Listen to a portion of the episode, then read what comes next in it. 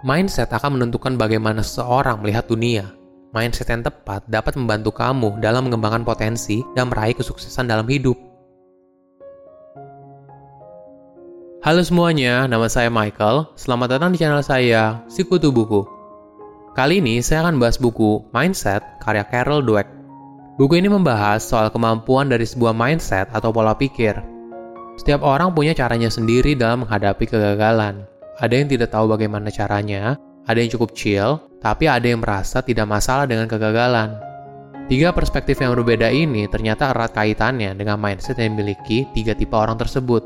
Selama 20 tahun, riset yang dilakukan oleh Carol membuktikan pandangan kita terhadap diri kita mengaruhi bagaimana hidup kita.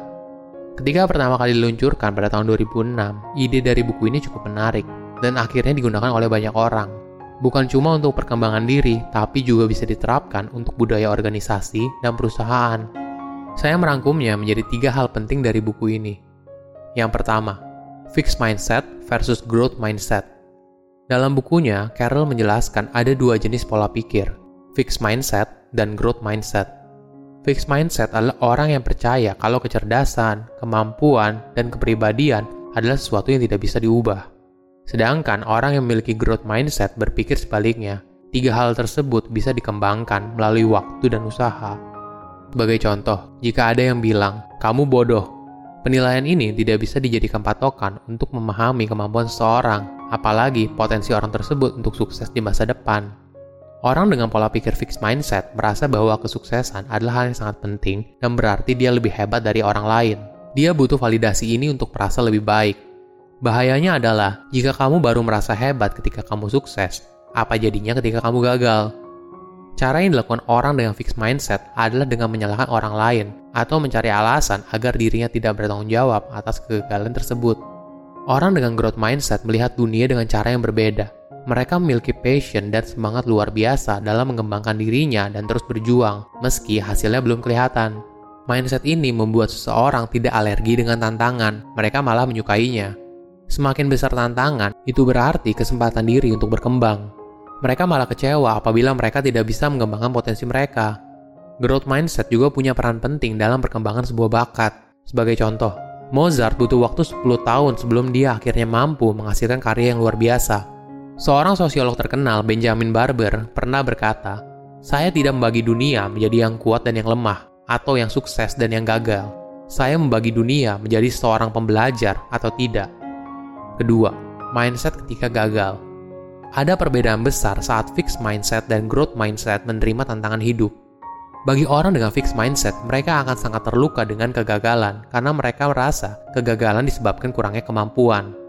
Mereka pikir kemampuan tidak bisa dikembangkan, oleh karena itu mereka tidak pernah mencobanya lagi. Sedangkan orang dengan growth mindset berpikir sebaliknya. Mereka terbuka dengan kegagalan dan mencoba lagi, John Wooden, seorang legenda pelatih basket, pernah berkata, "Kamu bukanlah sebuah kegagalan jika kamu tidak mulai menyalahkan orang lain atau dirimu. Artinya adalah kamu masih akan terus berproses dari kesalahanmu dan berhenti apabila kamu mulai tidak mengakuinya."